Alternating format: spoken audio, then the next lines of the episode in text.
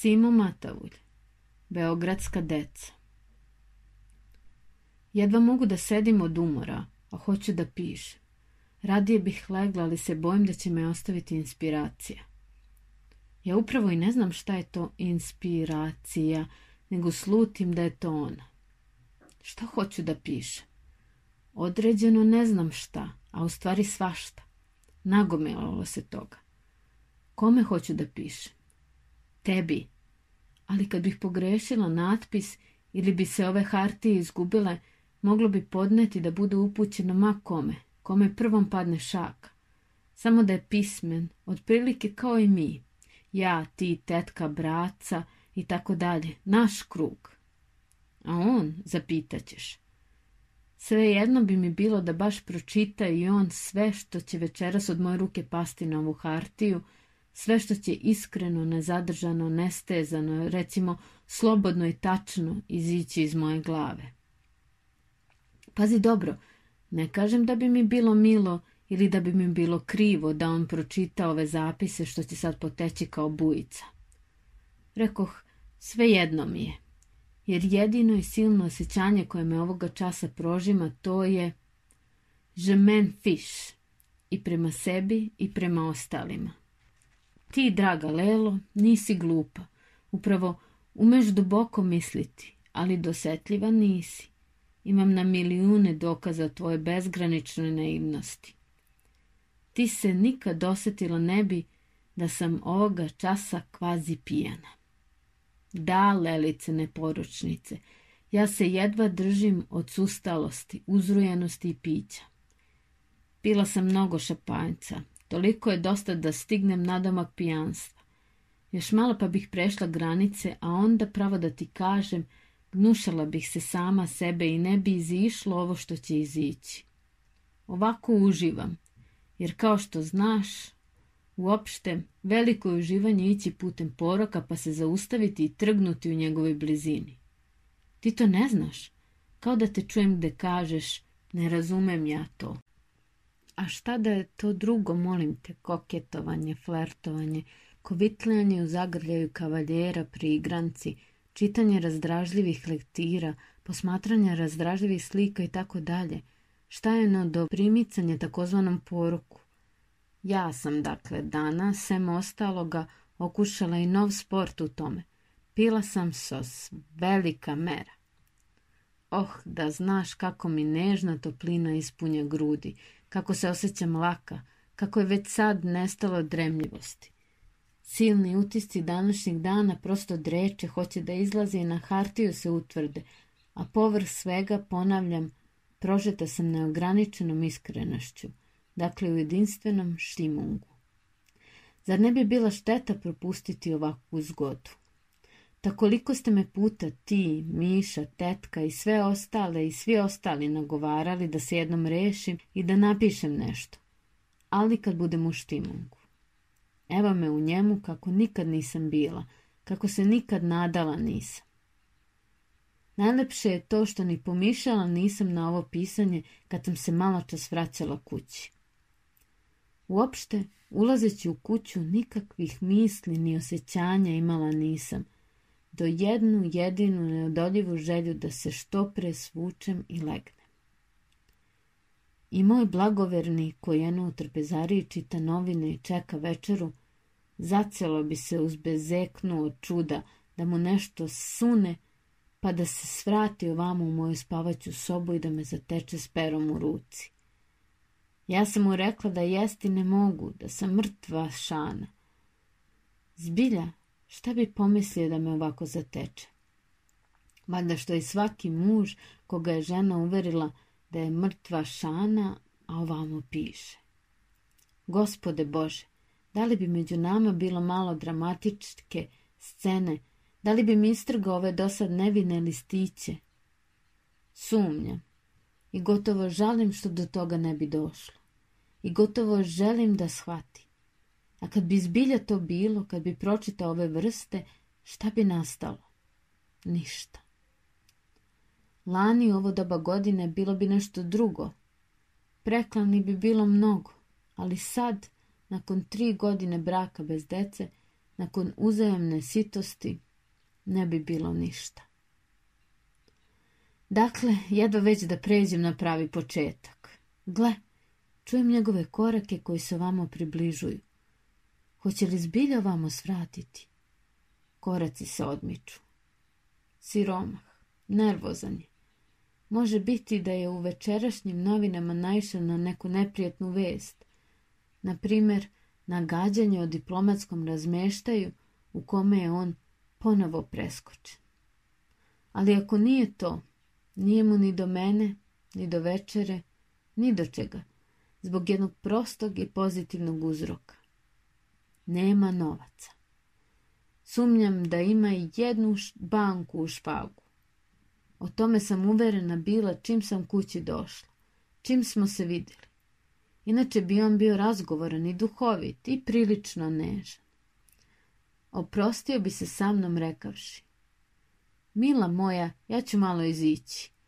Pa bi se vratio u zoru veseo ili kiseo prema šansi koja bi ga pratila u kockanju. Kocka je njegov razlog opstanka, njegova jedina radost, njegovo sve. Ah, što nemam novaca, mnogo, mnogo novaca, pa da ga iznenadim, da mu ga bacim predanje, da mu viknem, idi uživaj. Ne znam šta mi je. Taj prohtiv dođe mi večeras prvi put, a inače njega mrzim uvek kad doznam da je od nekud došao do para, a uživam kad vidim kako se muči petlja zbog prolongiranja menica. A večeras da mogu, čak bih i isplatila njegove menice, što nije mala želja, a što bi bilo užasno velika stvar.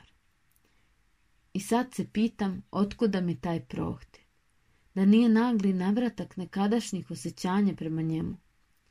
Ne, nije.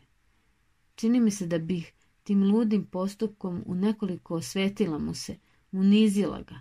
Dakle, da svršim ovaj odeljak, on će sada nešto mrmoljiti, dosta piti, pročitati još god iz novina, zatim će u svoju ložnicu gdje će na krevetu, može biti do zore, čitati kriminalne priče. To mu je još jedino uživanje posle kocke. A mi imamo dve ložnice, baš kao kakvi velikaši, samo što nemamo dosta soba za sve potrebe. Budi Bog s nama šta je ovo tebi pričam, draga Lelice, koja sve znaš kao i ja, samo što sve ne veruješ. I baš je glupo ispalo. E a sad ću se evo koncentrisati i pričati moje današnje doživljaje. Dakle, ono što ne znaš. Nego pre toga napomenut ću još nešto što će ti također biti obično i banalno. Sinoć kad smo posle večere ja i on konačno rešili da ja sama idem na svadbu Emilijinu, bila sam ne samo potpuno indiferentna, nego baš i protivno tome, onako otprilike kao kad po dužnosti moram da idem na kakav parastos ili pratnju ili da učinim ili da vratim pohodu. Đavo bi ga znao. Posljednjih meseca još sam nekako najradije išla na pratnje, ali i to mi se odbilo od srca. Ta imali što dosadnije i bednije od naših žurova, prstenova, svadbi i ostalih skupova, kako god ih zvali. To jest dosadnije i banalnije meni, a sve ostale imaju potpuno pravo da uživaju gde uživanje nalaze. Ja im ne zavidim, nego ih prosto prezirem. Dakle, predstoji mi da izdržim jednu beogradsku svadbu, a hvala Bogu, Izdržala sam ih dosta. Već su mi pred očima tipovi uparađeni, okićeni ruzmarinom, u licu prepodobni. Već znam unapred da ću se gotovo sa svima morati zdraviti, ljubiti, upoznavati, govoriti o mladi i mladoženji, o drugim bračnim kombinacijama.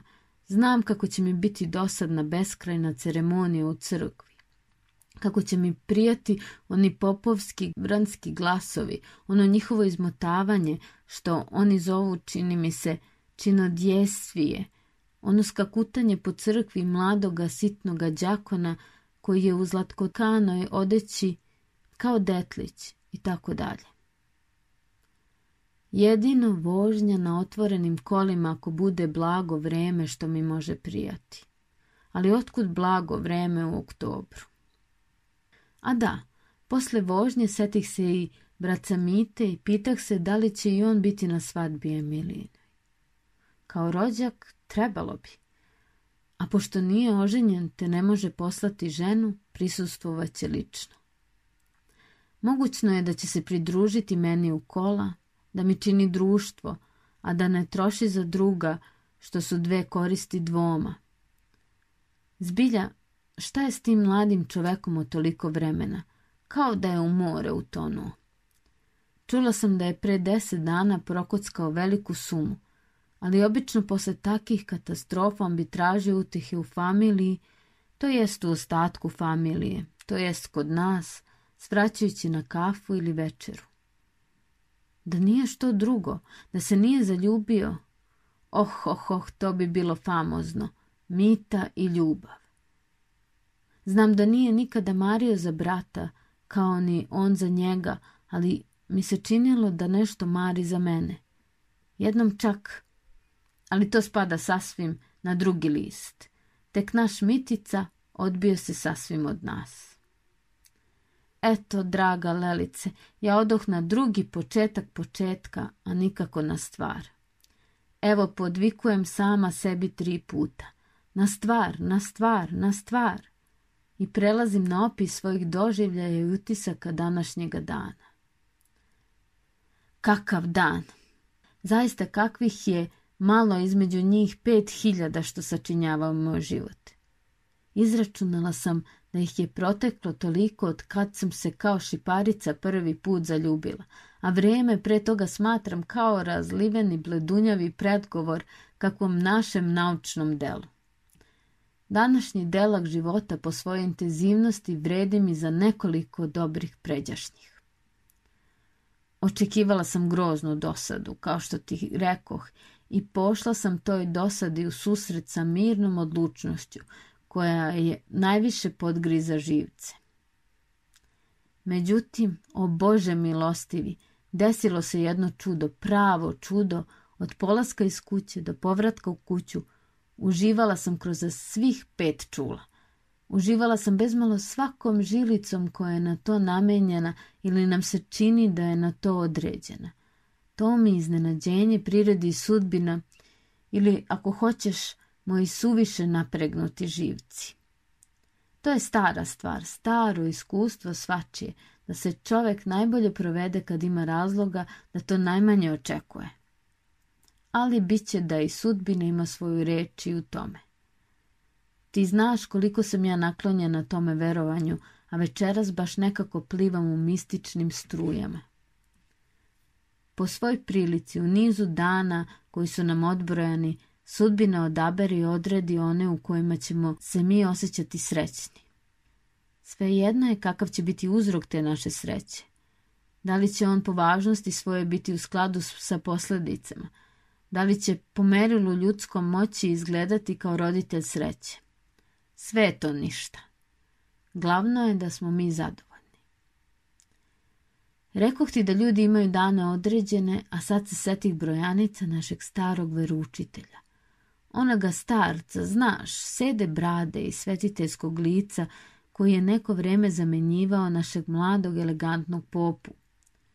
Sjećaš li se kako nam je starac dosadom objašnjavao dosadne i nerazumljive stvari, a dok je vršio taj svoj glavni posao, on je u isto vrijeme radio i nešto sporedno. Prebirao je svoje dugačke brojanice. Ja ga nisam slušala, ali sam pažljivo posmatrala šta rade njegovi suhi prsti. Dakle, meni je njegov glavni posao bivao sporednim i obratno. Uzgred budi rečeno, tako sam shvatila i sve svoje takozvane dužnosti. Lagano, ravnomerno spuštao je stari popa zrno po zrno i ona činjahu cak, cak, cak. U dugačkom nizu crnih zrna beše nekoliko belih, od sedefa, nešto krupnijih.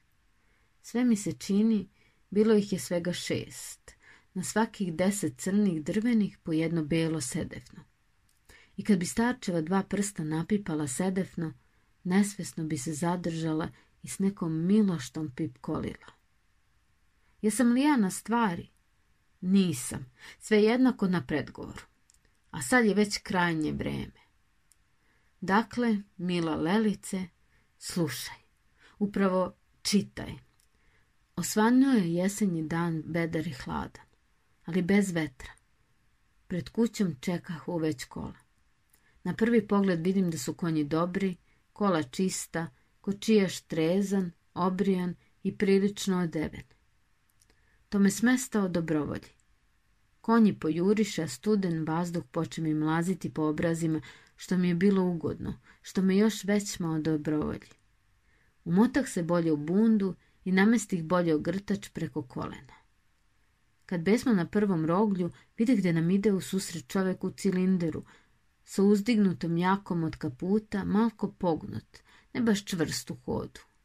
Ni posumnjala nisam da bi to mogao biti braca, ali beše on glavom i nogama.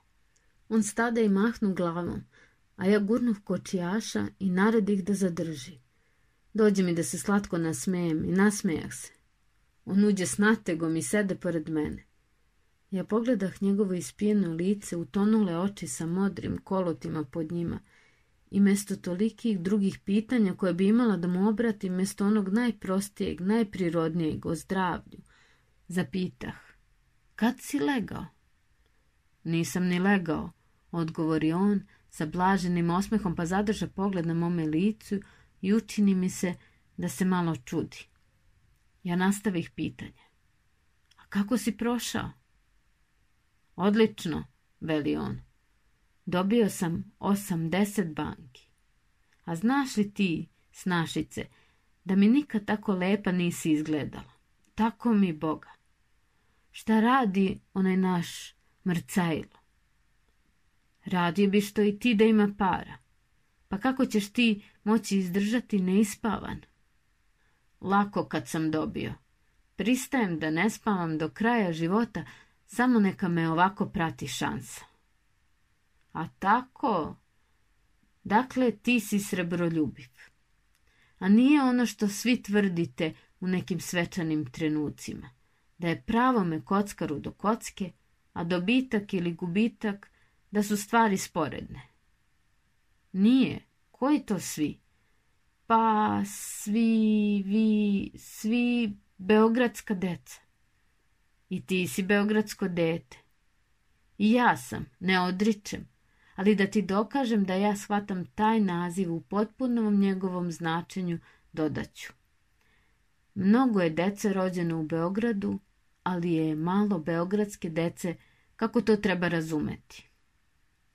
Dobro si položila ispit, no treba da znaš da su muškarci strašni kockari, a prema ostalom apsolutno nemarni. Ženski su površne, prevrtljive, koketne, potrošljive i tako dalje. Mogu biti i lepe, prosto zaluđivati svojim lepotom i gracijom. Ti si danas divno beogradsko dete. Hvala na komplimentu, braca. Primam to kao istinu. Budi pametan, ostani na tom predgovoru. Ili neka bar bude razmaka između toga predgovora i početka dela. Zbilja je to pametno. Govorimo, dakle, privremeno o nečemu drugom. Ne govorimo ni o čemu, nego se malko asupiraj da se nešto osnažiš. Eto, tako započe smo, draga Leli.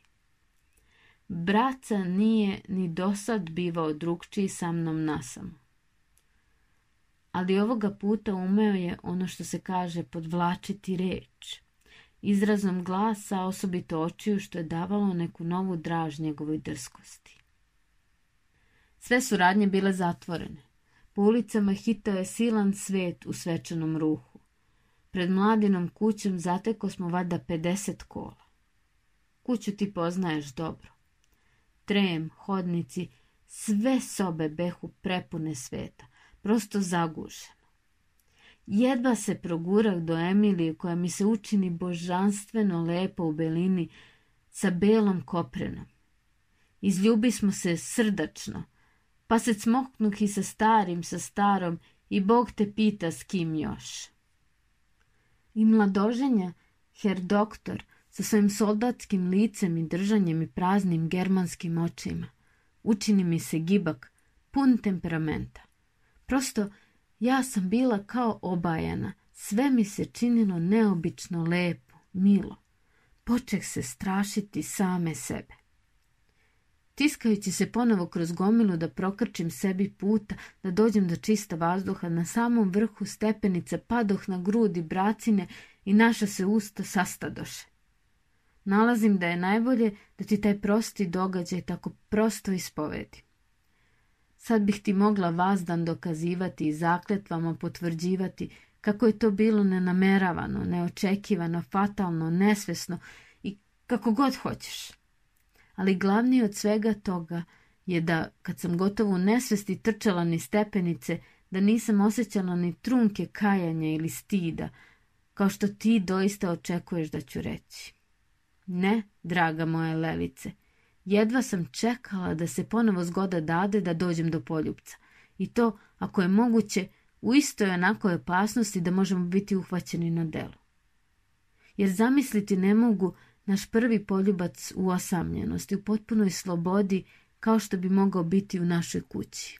Ne, ne, to bi mi bilo odvratno. To bi bilo prosto nemogućno bez Emiline svadbe. Naravno, reč je o prvom poljubcu. Crveni, plači, drhti od sablasni od ogorčenosti, mila moja lelice, ali prima istinu, istinsku istinu, golu, nagu, kakva je najsilnija.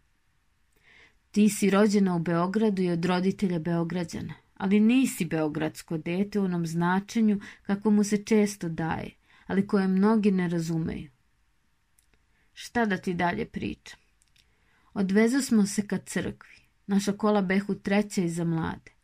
Nas dvoje reči ne progovorismo.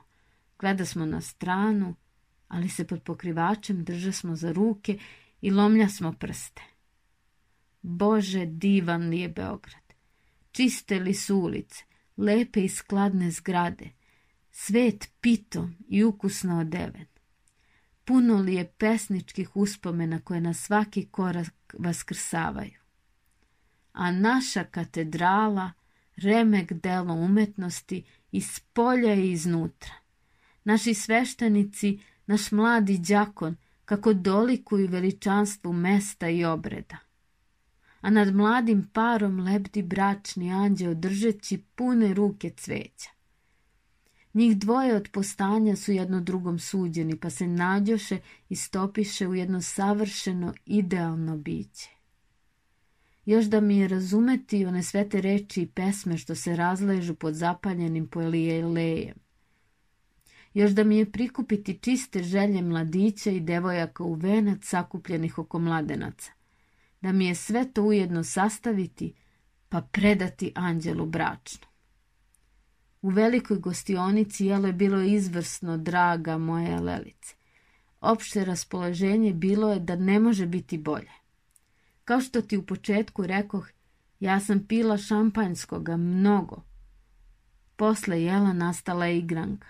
Ja sam igrala sa mnogima, najčešće sa bracom i svakog puta nađe smo načina da se približimo jedno drugom na onaj način kao što je bilo na vrhu stepenica. Dalje ne mogu, mila moje lelice, savlada me san. Tvoja M.